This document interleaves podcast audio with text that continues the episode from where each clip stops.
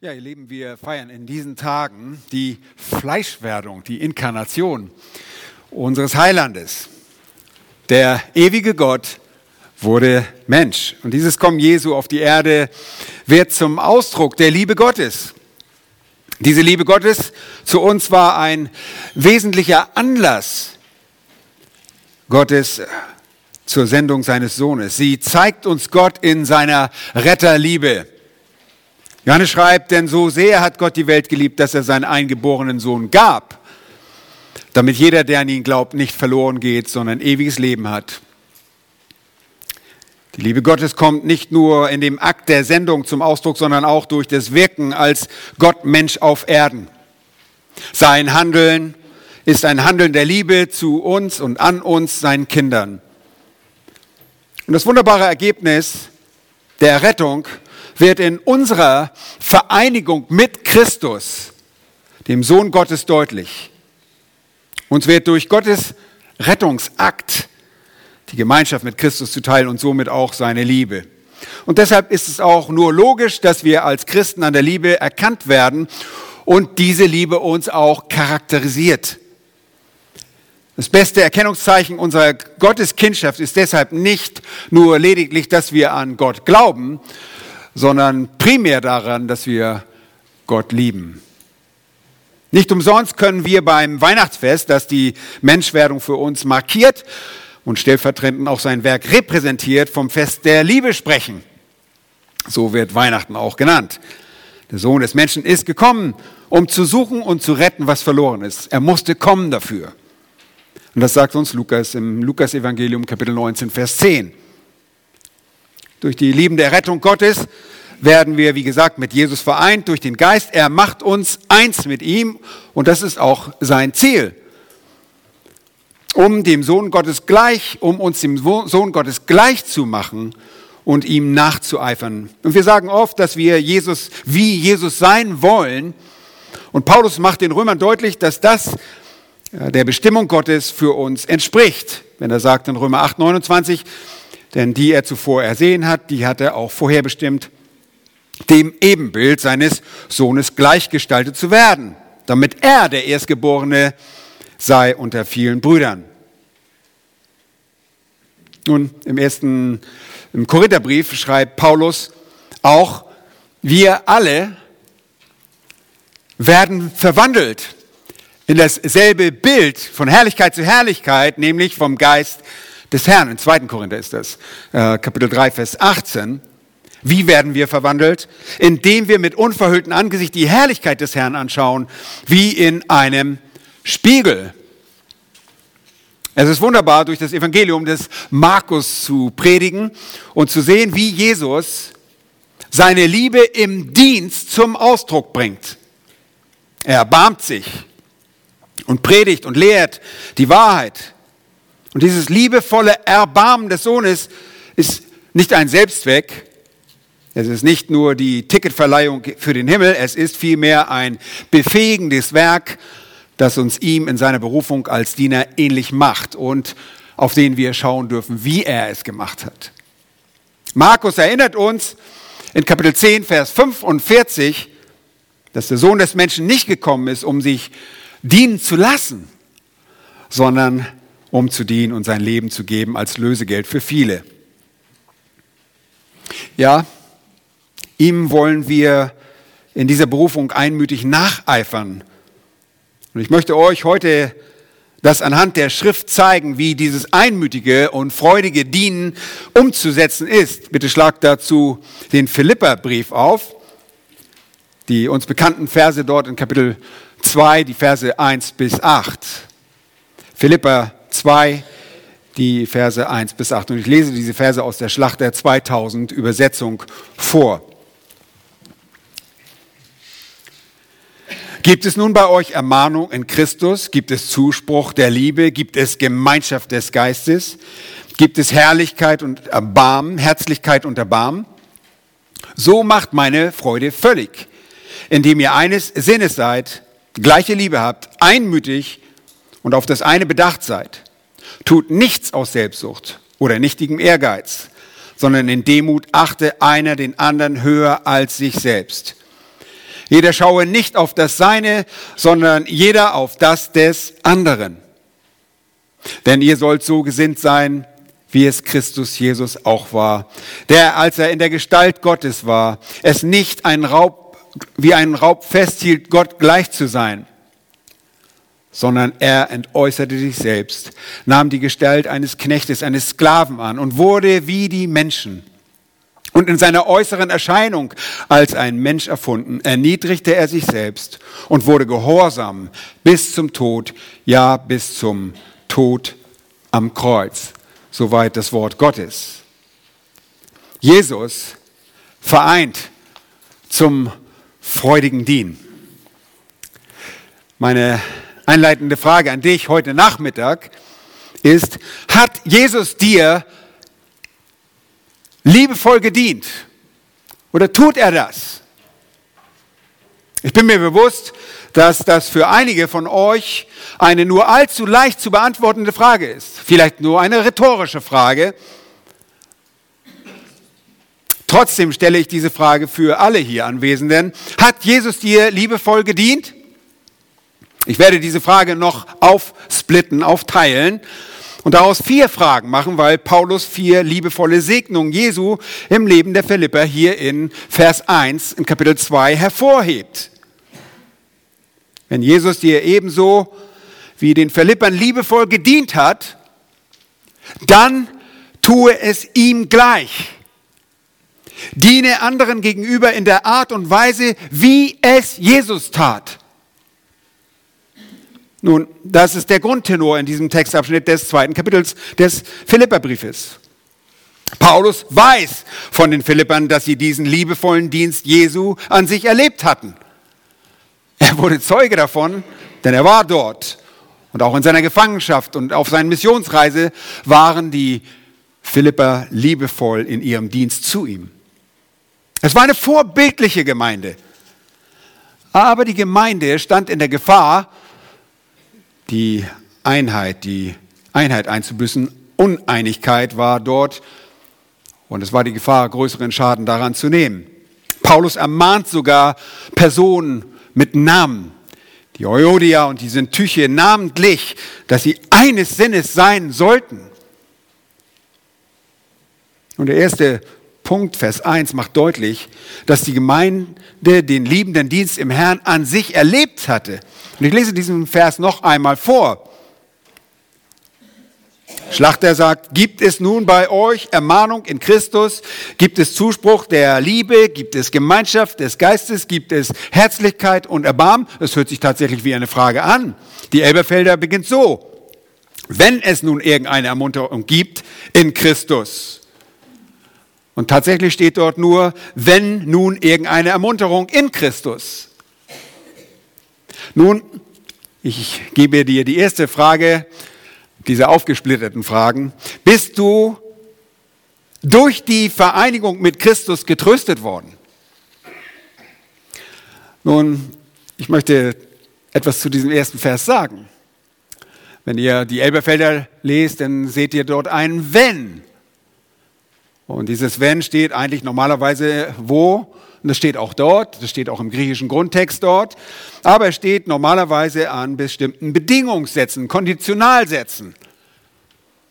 Und ein Konditionalsatz fängt so an, wenn, und dann ist der zweite dann, ja. Wenn du das machst, wenn ich das, wenn du Geld geben äh, haben solltest, dann kannst du es mir geben, ja. Also wenn dann. Das ist ein Bedingungssatz. Nun, diese Sätze, dieses Satzgefüge solcher Sätze besteht aus einem Wenn-Satz.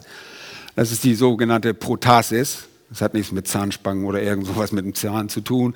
Das heißt hinstrecken, ja. Und einem nachgefügten Satz, den Dann-Satz. Das ist die sogenannte Apodosis, was so viel wie Geben des Geschuldeten bedeutet. Nun, wenn dann, das stellt in Frage, dass vielleicht diese Dinge, die wir hier im ersten Vers lesen, nicht vorhanden sind. Nein, Konditionalsätze, Bedingungssätze können schwächer sein und hier eine Realität aus andeuten. Wir sollten diesen Satz nicht mit einem wenn als Kondition für etwas lesen, sondern als ein da und darum oder deshalb. Hier in unserem Text ist wenn besser als da zu übersetzen, weil die aufgezählten Segnungen aus Vers 1 als angenommene Realität gedeutet werden sollen. Versteht ihr das? Diese Dinge sind vorhanden. Diese Dinge waren bei den Philippern vorhanden. Das wusste Paulus. Diese geistlichen Segnungen kamen durch Jesus und waren etwas bei den Philippern Reales. Es war vorhanden. Sie waren vorhanden. Sie hatten Ermahnung und Ermunterung. Das Wort kann beides andeuten, Ermahnung oder Ermunterung. Parakalesos. Sie hatten das erfahren durch Christus. Und deshalb konnten sie auf diese Art und Weise auch liebevoll dienen. Und dazu will er sie anhalten, zu tun, was sie selbst erfahren hatten. Okay? Sie hatten Ermahnung und sie hatten Ermunterung erfahren. So wie auch ihr als Kinder Gottes auch das erfahren habt. Jedes Mal, wenn ihr das Wort Gottes hört, seid ihr entweder total ermuntert oder ihr werdet euch ermahnen lassen, weil ihr merkt, oh meine Güte, ich muss ja was ändern in meinem Leben. Sie hatten das erfahren und deshalb konnten sie in dieser Kapazität auch dienen. Die zweite Frage, und wie gesagt, diese Fragen sind eigentlich nur dann rhetorische Fragen für alle Gläubigen. Denn wirklich diese Frage, die ich am Anfang stellt, hast du dir Liebe, hat Jesus dir liebevoll gedient, ist eine Frage nach deinem Heil. Bist du gerettet oder nicht? Denn jeder, dem Jesus gedient hat, der ist gerettet. Die zweite Frage, bist du durch seine liebenden Worte oder sein liebendes Wort ermutigt worden? Da heißt es im Text, gibt es Zuspruch der Liebe? Und jeder Christ sagt sofort, natürlich gibt es Zuspruch der Liebe. Ein hier wörtlich ein Zuflüstern von liebenden Worten. Das Wort Gottes wird durch auch das Wort des Christus genannt. Alle Worte, die wir hier predigen, ist im Grunde ein Zuflüstern der Worte Gottes. Der Zuspruch der Liebe. Das sind liebe Worte, die Gott uns gegeben hat. Er offenbart sich aus Liebe zu uns. Was sollen wir mit diesem Wort machen? Lass das Wort Christi unter uns reichlich wohnen in aller Weisheit und dann sagt er, lehrt und ermahnt. Okay, Lehre und Ermahnung sind ein Akt des, der Liebe, ein Zuspruch der Liebe. Singt Psalm und Lobgesänge heißt es dort. Predige das Wort ist ein Ausdruck der, der Liebe. Ist ein Zuspruch der Liebe, wenn du das Wort Gottes hören kannst. Und zwar der Liebe Jesu Christi zu dir. Und wenn du das erfahren hast, wenn du das erlebt hast, bist du genauso fähig, diesen Zuspruch der Liebe weiterzugeben. Seid ihr dadurch ermutigt worden? Durch dieses liebende Wort? Einstimmig, ja. Kinder Gottes sind es. Drittens, bist du fröhlich in der Gemeinschaft des Heiligen Geistes? Er sagt hier in dem Text, gibt es Gemeinschaft des Geistes? Und er wusste, es gibt hier Gemeinschaft des Heiligen Geistes. Was bedeutet das? Dass sie Kinder Gottes waren. Da es Gemeinschaft des Geistes bei den Philippern gab, denn jeder, der gläubig ist, hat automatisch den Geist Gottes in sich wohnen. Und wenn das jeder andere hat, dann haben wir sogar nicht nur mit dem Heiligen Geist Gemeinschaft, sondern auch mit all denen, die im Geist sind. Diese Fragestellung ist Anlass, ihnen zu sagen, dass sie durch den Geist geeint dienen sollten. Sie konnten mit dieser Segnung und der Kraft des Heiligen Geistes anderen auch liebevoll dienen. Nun, wie weißt du, ob du mit Christus vereint bist und somit auch in einen Leib hineingetauft bist, in seinen Leib? Vergleiche mit dem, dich mit dem, was der äh, Galaterbrief sagt, Paulus im Galaterbrief. Da sagt er in Kapitel 5, Vers 22, von der Frucht des Geistes sagt er, die Frucht des Geistes ist Liebe, Freude, Friede, Langmut, Freundlichkeit, Güte, Treue, Sanftmut, Selbstbeherrschung. Nun, anhand dieser aufgeführten Frucht kannst du dich prüfen. Diese Dinge sind charakteristisch für die Kinder Gottes. Nicht in einer perfekten Art und Weise spiegeln wir diese Dinge wieder, aber der Geist wirkt es in den Kindern Gottes. Hast du Liebe? Liebe zum Herrn und sein Wort? Frag dich das. Liebst du das Wort Gottes? Oder bist du auf einer geistlichen Diät? Ich habe in der ersten Stunde davon geredet. Wir wollen geistliche Fettleibigkeit für euch. Lest die Schrift. Und das hast du. Du liest das Wort Gottes, wenn du den Herrn liebst. Hast du Freude?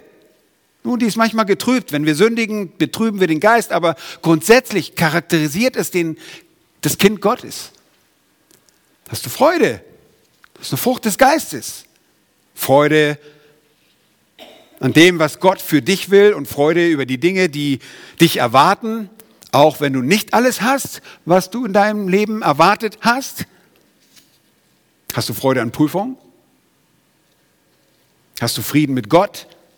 Hast du Geduld? Das, sind alles, das ist alles Frucht des Geistes. Nun, in der Gemeinschaft mit dem Heiligen Geist wirst du durch das Wort Gottes erquickt.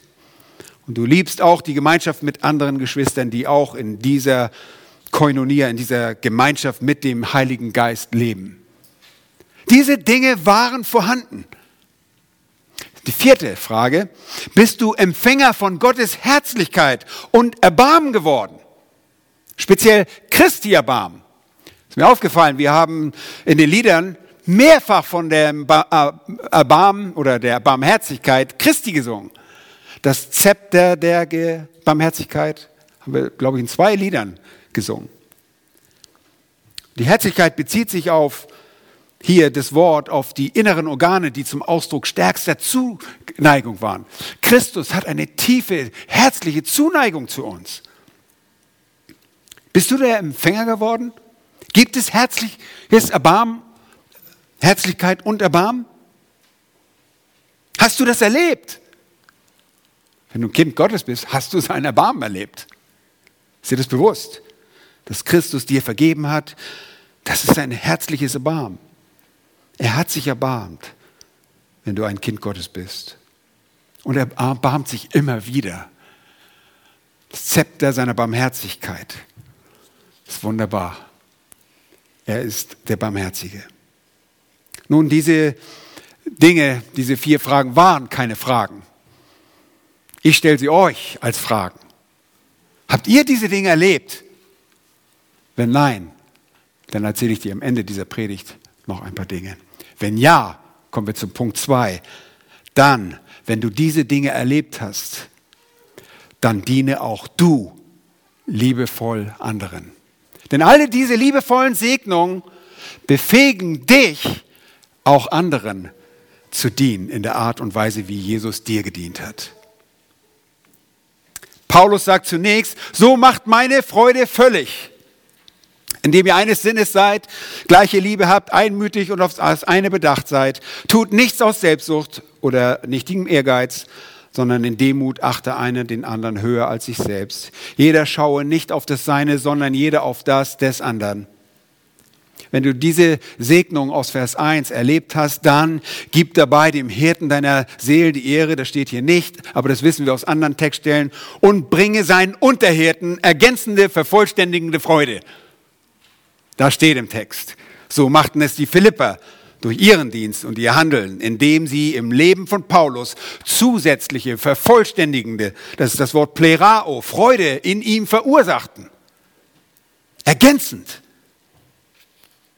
Aber achte mal darauf, was Paulus den Philippern sagt.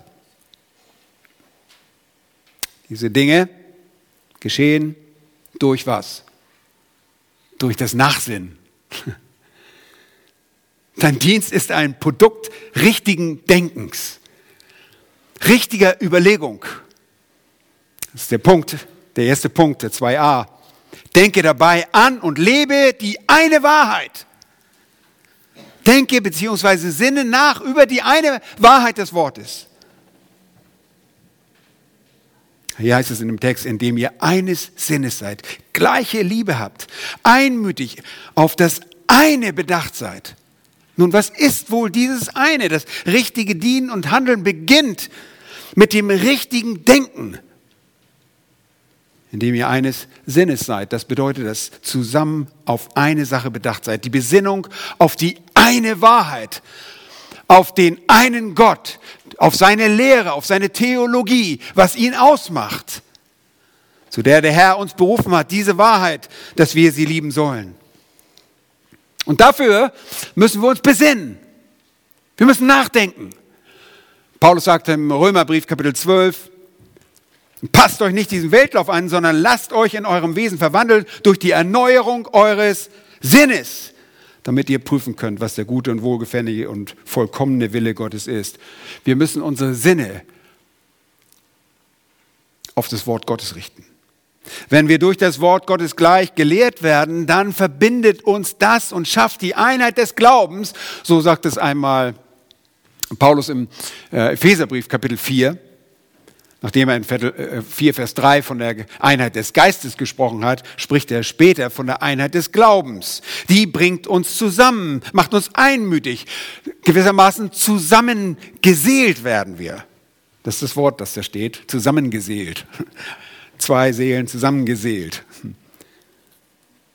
Milch beim Patentanbahn. Das ist das Wort, was Paulus hier an dieser Stelle verwendet. Und das ist das Ziel, das Gott mit uns verfolgt. Deshalb hat er der Gemeinde Gaben gegeben. Ja, wir werden zugerüstet durch die Gaben, die er in der Gemeinde gegeben hat, nämlich in erster Linie Männer. Hört einmal auf Epheser 4, Vers 11. Und er hat etliche als Apostel gegeben. Etwas, was man gibt, ist eine Gabe. Wusstet ihr das? Wir kriegen Geschenke zu Weihnachten, oder einige von euch zumindest. Das sind Gaben. Das wird euch gegeben. Hier sind Apostel gegeben, etliche Propheten, etliche Evangelisten und etliche als Hirten und Lehrer zur Zurüstung der Heiligen für das Werk des Dienstes, für die Erbauung des Leibes des Christus, bis wir alle zur Einheit des Glaubens und der Erkenntnis des Sohnes Gottes gelangen. Eben, so können wir eines Sinnes werden, wenn wir uns auf eine, die eine Sache, den einen Glauben besinnen, einmütig darin sind. Und so wird es dir möglich sein, einen liebenden Dienst in der Einheit mit anderen zusammenzutun. Ihr könnt euch vorstellen, wenn hier jemand anders reinkommt und sagt, ah, ich will mit euch zusammen dienen und der kommt von den, was weiß ich, von den Mormonen oder von Zeugen Jehovas, das dauert nicht lange, dass wir merken, geht nicht. Wir können nicht einmütig zusammen dienen. Unmöglich. Wir können nicht mal zusammen singen. Dann sagt, nee, das singe ich nicht, das singe ich nicht. Oh, und da steht ja ein Weihnachtsbaum, das mache ich nicht mit. Ja, die haben nicht diese Freiheiten. Ob beim Singen, beim Leiten, beim Planen und Evangelisieren ist. Oder ob es zu Hause ist, im Dienst aneinander, in der Familie oder bei der Gastfreundschaft. Denke beim Dienen und Handeln im Namen des Herrn. Denke an das Wort, besinne dich auf das eine Wort. Und dann denke auch an deine Motive. Und das ist der zweite Punkt. Denke dabei an deine Motive in Vers 3. Schaut mal Vers 3. Dort werde ich diese da werden diese Motive angesprochen einmal auf negative Ausdrucksweise und einmal positiv ausgedrückt. Erstmal negativ, tut nichts aus, Selbstsucht oder nichtigen Ehrgeiz. Jetzt sondern Kontrast, in Demut achte einer den anderen höher als sich selbst. Zunächst negativ ausgedrückt. Nicht wie? Nicht selbstsüchtig ausgerichtet. Warum? Wenn wir etwas tun, wenn wir unterwegs sind, dann tun wir das für wen? Wir tun es für, für Gott. Wir betonen das. Alles, was ihr tut, Paulus betonte das im Korintherbrief, alles, was ihr tut, das tut zur Ehre Gottes. Das tun wir auch. Wir wollen das nicht für uns selbst machen. Selbstsucht gehört nicht zu dem, was der Geist Gottes hervorbringt. Selbstsucht ist ein Werk des Fleisches sowie auch Götzendienst, Zauberei, Feindschaft, Streit, Eifersucht, Zorn. Da findet sich Selbstsucht in dieser Liste Zwietracht und Parteiung Galater 5, Vers 20. Ein Dienst, den wir tun, darf nicht von Selbstsucht bestimmt sein.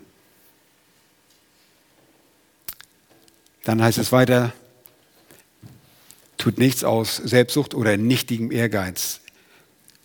Es geht darum, nicht die eigene Ehre zu suchen oder äh, hier ist es äh, vom leeren Ehrgeiz die Rede, leere Ehre zu suchen. Lieben, denken wir mal wie ein Sklave an dieser Stelle. Es geht nicht um uns. Es geht nicht um die Ehre eines Sklaven. Es geht immer um die Ehre des Meisters. Paulus schrieb den Thessalonichern, er sagt, denn wir sind nicht mit Schmeichelworten äh, gekommen, wie ihr wisst, noch mit verblümter Habsucht. Was ist das? Selbstsucht, Habsucht, ne? haben, ich will das, aber ich für mich, ich für mich. Gott ist Zeuge. Gott wusste das, das haben sie nicht getan. Wir haben auch nicht Ehre von Menschen gesucht, weder von euch noch von anderen obgleich wir das des Christus würdevoll hätten auftreten können, sondern wir waren liebevoll. Liebevoll in eurer Mitte, und zwar wie eine stillende Mutter ihre Kinder pflegt. 1. Thessalonicher 2. Diese leere Ehre ist nichts als was? Stolz. Stolz. Die Ausrichtung ist Stolz. Wir können unseren Dienst keinen Stolz haben. Oh ja, haben wir schon lange nicht mehr, oder? Oh, haben wir schon lange abgegeben. Nein, kommt immer wieder hoch. Christus hasst es. Gott hasst das stolze Herz. Und wir müssen oftmals darüber Buße tun. Stolz ist etwas, was der Herr ganz besonders hasst. Positiv ausgedrückt sollen wir an einer demütigen Gesinnung arbeiten. Und zwar die andere Person oder andere Personen höher einschätzen oder überlegener ansehen. Und das sollte eigentlich so sehr leicht sein. Warum? Weil du musst nur an was denken? An deine eigenen Versagen, die du allein kennst und viel besser kennst als irgendjemand anders.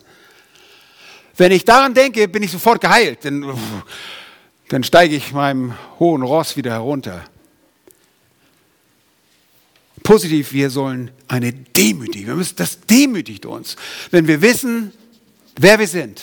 Und der Psalmist sagte, bevor ich gedemütigt war, wurde, irrte ich. Wenn wir hochmutig sind, können wir nicht liebevoll dienen.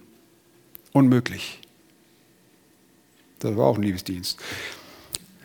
Das sollte uns eigentlich doch leicht fallen, oder? Und trotzdem, das Fleisch ist immer wieder dagegen. Wir sind im Mittelpunkt, aber das sollen wir nicht tun. Denke einfach an deine Versagen. Und das wäre auch sehr einfach, wenn wir nicht immer wieder falsch von uns selbst denken würden. Wir fangen immer wieder an, falsch zu denken. Und im Römerbrief Kapitel 12 ist das, im Vers 3 mahnt Paulus die Römer und sagt, ich sage Kraft der Gnade, die mir gegeben ist unter euch, jedem unter euch, dass er nicht höher von sich denke, als sich zu denken gebührt, sondern dass er auf Bescheidenheit bedacht sei, wie Gott jedem Einzelnen das Maß des Glaubens zugeteilt hat. Vierter Punkt beziehungsweise das dritte in Vers 4. Das ist Vers 4. Denke dabei an dein Gegenüber. Jeder schaue nicht auf das Seine, heißt es dort, sondern jeder auf das des anderen. Du darfst nicht nur an dich denken. Ja, wir denken an uns. Das fällt uns auch nicht so schwer, oder? An uns selbst zu denken, ist, ist einfach, das liegt uns sehr gut. Aber du darfst nicht nur an dich denken und ich nicht nur an mich.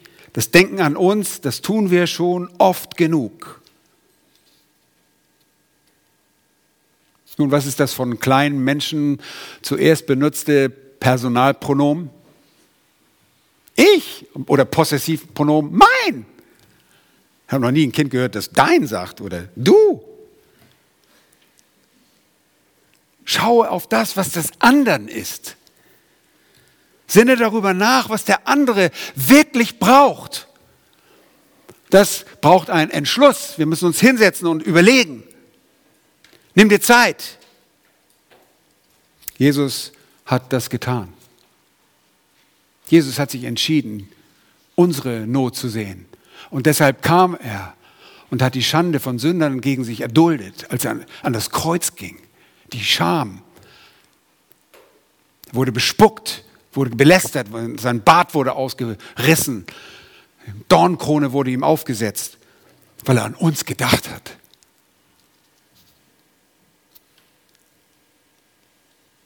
Nun, lass mich wiederholen. Die Philippa hatten die liebevollen Segnungen des Herrn erfahren. Und deshalb waren sie in der Lage, genau so zu handeln, wie Paulus das hier in den Versen sagt. Bis Vers 4. Und jetzt ab Vers 5 zeigt er ihm, folge beim Dienen Jesu liebendem Vorbild. Jetzt kommt die Qualität dieser Handlung. Und als erstes folge seiner vorbildlichen Gesinnung. Vers 5. Denn ihr sollt so gesinnt sein, wie es Christus Jesus auch war. Wir haben schon über unsere Gesinnung Vers 2 gesprochen. Unsere Gesinnung kann jetzt an einem Maßstab festgemacht werden. An einem Maßstab sich orientieren, die Gesinnung, das Denken, das Jesus beherrschte, das soll unser Sinn und unser Denken sein. Die logische Frage, die sich aus diesem Vers ergibt, ist, Vers 5, welche Gesinnung hatte Jesus denn? Um das auch zu erfahren, müssen wir zum einen das Wort Gottes kennen, oder? Wir finden schon auch eine Gesinnung hier in den weiterführenden Versen, aber wir müssen, um seine gesamte Gesinnung zu kennen, müssen wir das Wort Gottes kennen. Damit auch wir sagen können, wie Paulus es einst sagte, wir haben Christi Sinn. Erinnert euch daran? 1. Korinther 2, da heißt es, äh, wir aber haben den Sinn des Christus, sagt er dort am Ende des Kapitels, glaube ich, war das. Wir wissen, was Jesus denkt. Herr, woher? Können wir Gedanken lesen? Nein, wir können die Bibel lesen. Wir können das Wort Gottes verstehen, was Jesus denkt. Weil wir sind doch keine Wahrsager, oder? Oder Hellseher. Nein, uns ist das Wort Gottes gegeben worden, damit wir wissen, wie Christus denkt. Und das müssen wir lesen und das müssen wir anwenden und verstehen. Er hat sich offenbart als liebender Ausdruck, als, als ein Ausdruck seiner großen Liebe. Eines dieser dominanten Gedanken Jesu war was? Demut ist mein nächster Punkt. Folge seiner vorbildlichen Demut. Verse 6 bis 8a. Und wir haben auch schon über Demut gesprochen, Vers 3. Über das demütige Motiv haben wir nachgedacht, die wir alle haben sollen. Wir sollen alle demütig sein, haben wir schon gehört. Auch bei dieser Einstellung müssen wir uns dem, an dem ultimativen Beispiel und Vorbild ausrichten. Und das heißt, Vers 6, der, als er in der Gestalt Gottes war, es nicht wie ein Raub festhielt, Gott gleich zu sein. Das bedeutet, er bestand nicht darauf, die Herrlichkeit, die er bei dem Vater hatte, im Himmel, vor seiner Fleischwerdung, darauf zu verzichten. Er hielt da nicht fest wie ein Raub, er hielt das nicht fest wie eine Beute, sondern, Vers 7, er entäußerte sich selbst, nahm die Gestalt eines Knechtes an und wurde wie die Menschen. Vers 8a noch. Und in seiner äußeren Erscheinung als ein Mensch erfunden, erniedrigte er sich selbst. Nun, schon im Alten Testament wurde das erste Kommen, das Kommen der Fleischwerdung, wie folgt prophezeit. Und ihr kennt diesen Vers sicherlich. Sacharja 9, Vers 9. Frohlockte, du Tochter Zion. Jauchze, du Tochter Jerusalem, siehe, dein König kommt zu dir. Ein Gerechter und ein Retter ist er demütig und reitend auf einem Esel. Und zwar auf einem Füllen, einem Jungen der Eselin. Nun, ist Reiten demütig? Oh ja, für einen König, den König der Könige, ist es absolut demütig. Keine Sänfte, kein Prunk, kein, ägyptischen, kein ägyptisches Pferdegespann und einen ägyptischen Wagen hinten dran. Das war das Nonplusultra, das waren die, die Superkarren der damaligen Zeit. Nein, Esel. Und das zeigt an, in welcher Art und Weise er auftreten würde. Und das bestätigte sich in seiner Geburt und an allen damit verbundenen Umständen, dass er demütig ist. Ist das angemessen, rein menschlich, rein logisch? Für den König der Könige mit so einem störrischen äh, Ja, ja überhaupt nicht. Schneid das bloß nicht raus und bastelt das ja nicht wieder zusammen. ja, das ist nicht angemessen. Und das sollte die ganze Fleischwerdung ausmachen und sein Dienst, ein Dienst der Demut. Was geschah bei der Fleischwerdung? Lass uns das hier anschauen. Sagt, sondern er äußerte sich selbst und nahm die Gestalt eines Knechtes an. Die Schrift lehrt, dass sich der ewige Sohn, der ewige Sohn Gottes, die zweite Person der Dreieinheit, ohne seine göttliche Natur oder irgendeine der göttlichen Eigenschaften zu ändern, in der Menschwerdung selbst zu jemand ohne Ansehen machte. Kein Ansehen. Aus der Herrlichkeit des Vaters in die Finsternis dieser Welt. Und Jesaja schreibt, und eines Tages werden die Erlösten Israels von Jesus, ihrem Messias, sagen, was Jesaja prophezeite. Da heißt es, er wuchs auf und vor ihm, wie, äh, er wuchs auf vor ihm wie ein Schössling. Wird von dem Knecht dort gesagt, was der Messias ist. Wie ein Wurzelspross aus dürrem Erdreich. Er hatte keine Gestalt und keine Pracht. Und wir sahen ihn, aber sein Anblick gefiel uns nicht. Verachtet war er und verlassen von den Menschen, ein Mann der Schmerzen und mit Leiden vertraut wie einer, vor dem man das Angesicht verbirgt. So verachtet war er und wir achteten ihn nicht. Jesaja 53, 2 und 3. Und das wird eines Tages der primär der errettete Jude im Millennium sprechen. Die Juden, die zum Glauben gekommen sind, die werden sagen, das waren wir. Das stellvertretend für die verstockten Juden würde er so sprechen. Ohne Ansehen, aber bewusst so gewählt. Und so war der Sohn Gottes durch die Annahme seiner wahrhaft menschlichen Natur wesensgleich mit unserer jedoch was? Ohne Sünde. Absolut wie ein Mensch. Das ist eine absolute Demütigung. Ich meine, wir haben keine Ahnung, wie es im Himmel zugeht. Die Herrlichkeit des, des himmlischen Vaters kennen wir noch nicht. Wir können das nicht mal anschauen. Wir würden erblinden. Wir könnten das nicht erkennen.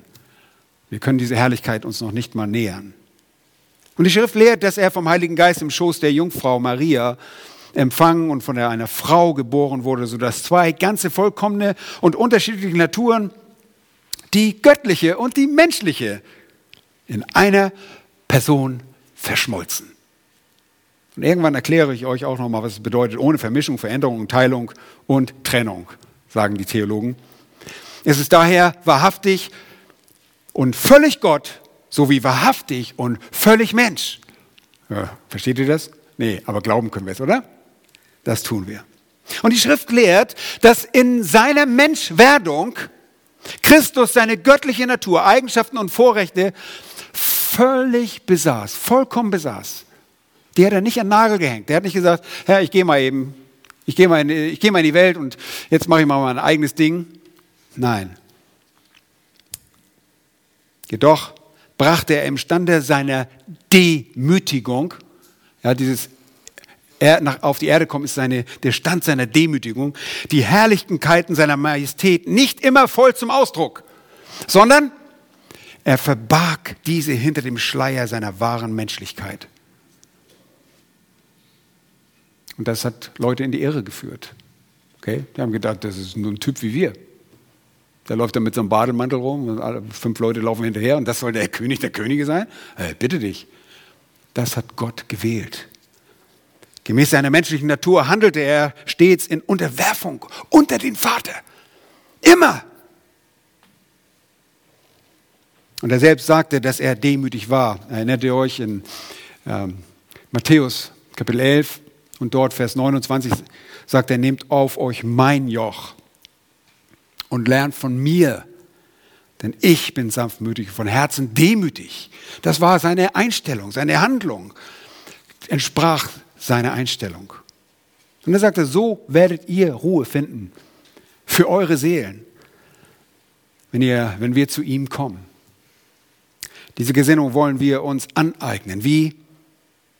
Wir müssen auf ihn achten, von ihm lernen. Und das sehen wir gerade in seinem Leben, wenn wir durch das Markus-Evangelium gehen, wie er ist, wie uns das Leben von ihm geschildert wird. Er ist nicht an Popularität, er ist nicht daran an Publicity interessiert.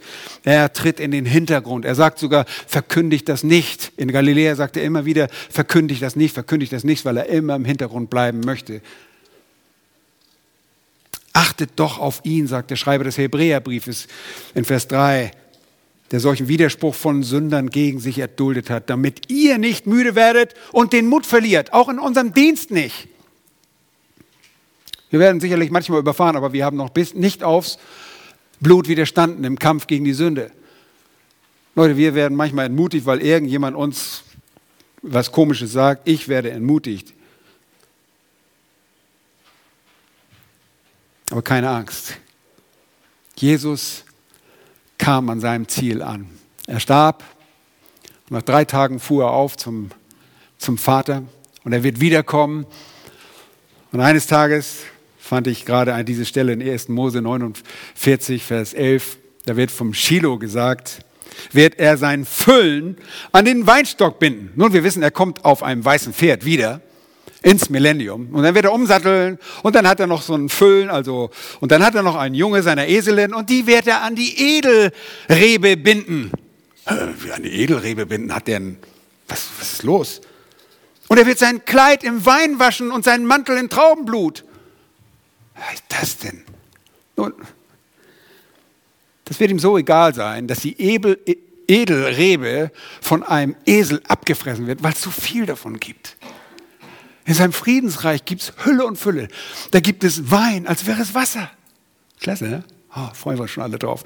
Äh, einfach so ein Sieg, so ein Triumph. Er herrscht und er wird als Friedensstifter, der Friedefürst wird herrschen im Millennium. Und er erreicht das durch seine demütige Gesinnung, die auch wir haben sollen.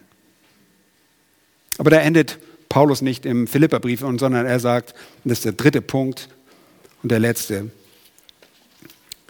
folge seinem vorbildlichen Gehorsam.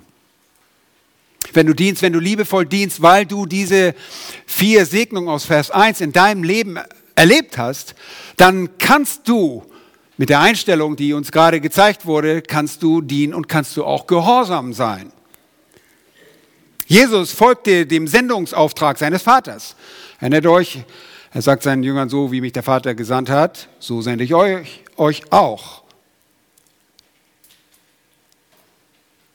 Da heißt es in Vers 8b und wurde gehorsam bis zum Tod. Ja, bis zum Tod am Kreuz. Und der Schreiber des Hebräerbriefs sagt, und obwohl er Sohn war, hat er doch an dem, was er litt, den Gehorsam gelernt. Hebräer 5,8. Und Jesus selbst sagte, wie perfekt, ohne sündhaft zu werden. Ich muss die Werke dessen wirken, der mich gesandt hat, solange es Tag ist. Johannes 9,4. Und dann, wenn ich nicht die Werke meines Vaters tue, so glaubt mir nicht. Er war dem Vater gehorsam.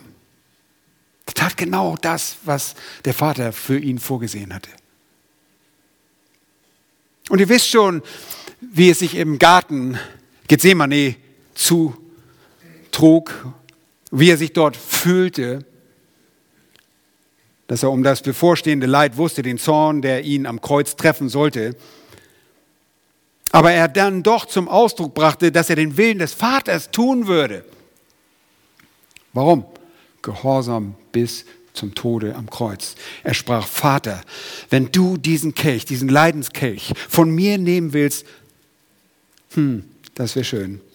Gedankenstrich. Doch nicht mein Wille, sondern dein Wille geschehe. Ihr Lieben, er hat das gemacht. Er ist da durchgegangen, gehorsam gewesen, hat den Zorn des Vaters nicht gefürchtet. Ihr Lieben, ich fürchte den Zorn von Menschen so sehr, der so viel geringer ausfällt als der heilige, gerechte Zorn Gottes. Lassen wir uns durch den Zorn der Menschen nicht abbringen, gehorsam zu sein oder irgendeine andere Sache, irgendein Leid. Denn auch wir werden wo enden? In der Herrlichkeit. Das Leid ist nicht mal der Rede wert. Das Leid, das über uns kommen wird in dieser Welt, ist nicht der Rede wert im Vergleich zu der wunderbaren Herrlichkeit, die folgen wird. Lasst uns die Kosten der Nachfolge tragen und einander dienen mit dem Vorsatz, gehorsam zu sein. Einfach gehorsam zu sein.